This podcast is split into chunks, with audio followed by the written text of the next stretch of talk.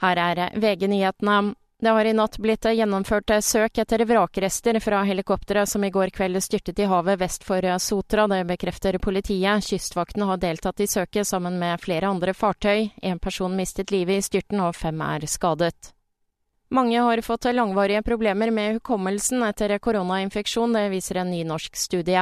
Ifølge studien, der 112 000 nordmenn deltok, kan opptil 40 000 av oss ha slitt eller fortsatt slite med hukommelse og konsentrasjon etter å ha hatt covid-19.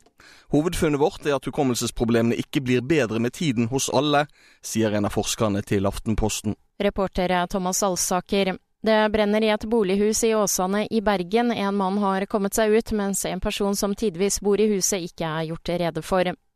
Politiet i Oslo har pågrepet to menn etter at en person ble utsatt for vold på Torshov sent i går kveld. Fornærmede ligger på sykehus, men skal ikke være kritisk skadet. Politiet utelukker ikke flere pågripelser. I studio Kristin Strand, nyhetene får du alltid på VG.